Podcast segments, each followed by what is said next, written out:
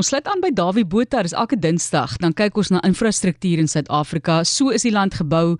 Jy kan gaan kyk op RSG se webblad. Dis so interessant die geskiedenis wat hier bespreek is al oor die afgelope jaar of wat en dit is op 360. Dawie Botha is 'n siviele ingenieur en Dawie, ons kyk vandag na die wonderwerk wil mense eintlik sê die goudtrein. Ek onthou Herman Stein wat by ons werk het jare terug nog 'n dokumentêr gedoen oor die bou van die trein. Dit was nog voordat die trein klaar gereed was. En ek het die trein, trein al een keer gebruik en is wonderlike ervaring, so eenvoudig, maar daar was groot uitdagings natuurlik soos jy ook sê, byvoorbeeld die dolomietgesteentes.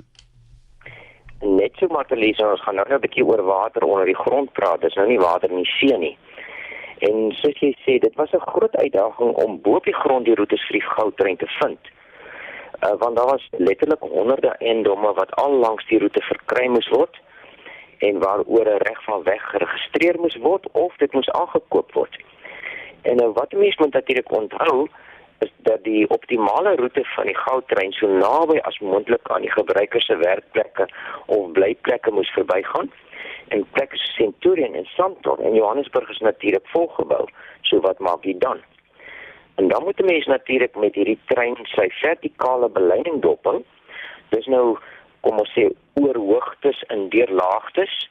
Nie te groot hellings nie, want dit beïnvloed die snelheid van die trein. Nou, en die horisontale beleining vir 'n sneltrein is ook baie belangrik want teen hoë snelhede kan jy nie kort draaie vat nie. Want dalk gaan die passasiers dan aan die een kant en aan die ander kant geslinger word.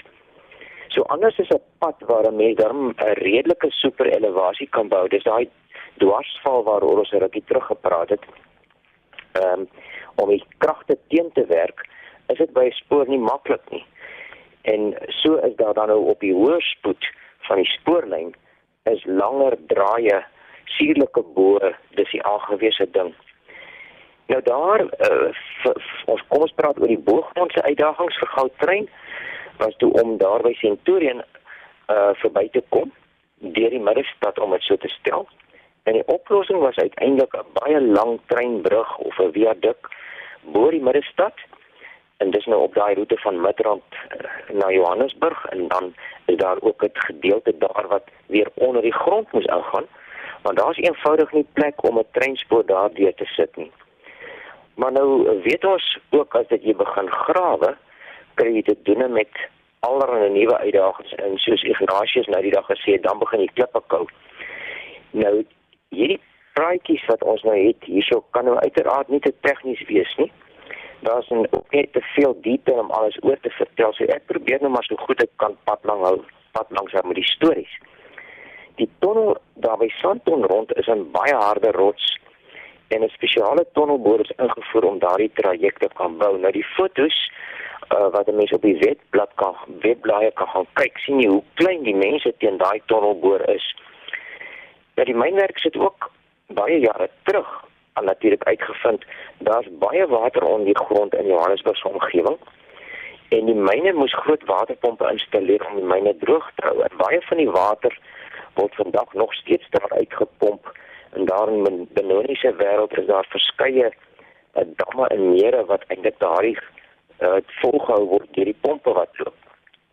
Nou vir die goudtrein se tonnel is daar toe besluit dat die tonnel moet met beton uitgevoer word en dis gedoen met sulke interessante voorafgevaardigde panele wat sodra die, die tonnel boor masjien verbykom dan aan die agterkant van die masjien is daardie uh, panele dan so sogenaamd vasgeplak op die tonnelwande en ons noem dit voegbrei word dan ingespuit. Engels praat ons van grout en dit is spesiale sementmengsel om die spul nou dig te maak en ook goed te laat vassit. Maar daar's nog steeds water wat ingesypel en uitgepomp moes word en so volgens die die Bombela konsortium wat die boubedryf kontrak gewen het, is daai 15 km lange tonnel binne 24 maande voltooi. Maar soos wat dit nou gaan, as 'n mens begin bou, het te veel water in die tonnel daar aan Johannesburg se kant veroorsaak dat dit heel heel wat later vir treine oopgestel kon word. Nog steeds oor die Sandtonstasie, dis 'n hele 45 meter onder die grond. Mens kan maar sê dis so 15 gebouverdiepings diep waar mense dan nou huise het wat jou af afneem na die stasie toe in plaas van op in 'n gebou natuurlik.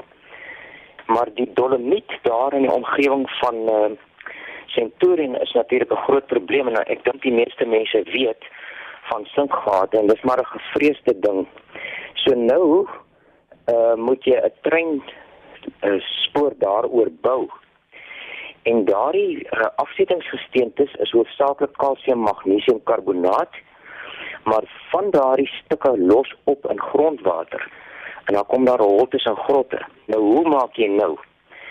So vir die mas, uh, vir die goudtrein vir daai stuk brug oor Centurion moes daar massiewe pilare gebou word. En wat maak jy nou? So daar's al baie groot skaal geologiese opnames gemaak, boorwerk gedoen, seismiese toetse of ons het maar klanktoetse gedoen om te bepaal wat al onder die grond aangaan voor die pilare gebou kon word. En dan natuurlik boor hulle nou 'n gat. Ek gaan dit eenvoudig probeer hou. Wapeningstaal word in die gat geplaas en met beton gevul en dan kom die pilaarstruktuur bo-op. So is daai brug oor Centurion Middestad gebou. Net so noord van die middestad kon die uh, spoorlyn weer min of meer op grondvlak aangelê word en van daar af tot by Fonteinedal is daar steeds dolomiete onder die grond en moet daar ook teen sinkgate gewaak word. So wat hulle daar gedoen het is hulle het 'n brug op die grond neergesit. Dit lyk natuurlik nou nie soos 'n brug nie, lyk soos 'n beton voor waar die treinspore loop. Nou daardie struktuur kan 'n mens bietjie vergelyk soos as jy 'n plank neersit as daar sagte grond is om jou kruiwa oor te stoot. So jy versprei die die laste en dis die oplossing toe gewees vir daardie groot stuk om te keer as daar ergens 'n gat ontstaan dan het jy daarom 'n brug waaroor jy kan gaan. Maar gaan kyk gerus rond op internet. Daar's baie detail oor goudtrein en baie webblaaie. En as jy nog meer wil weet oor Suid-Afrika se geologie, is die De Beers boek Geology of the Beaten Tracks is geskryf deur Nick Norman, 'n ware juweel. Dit help ou om te verstaan hoe dit gevorm is en wat hier alles onder die grond aangaan.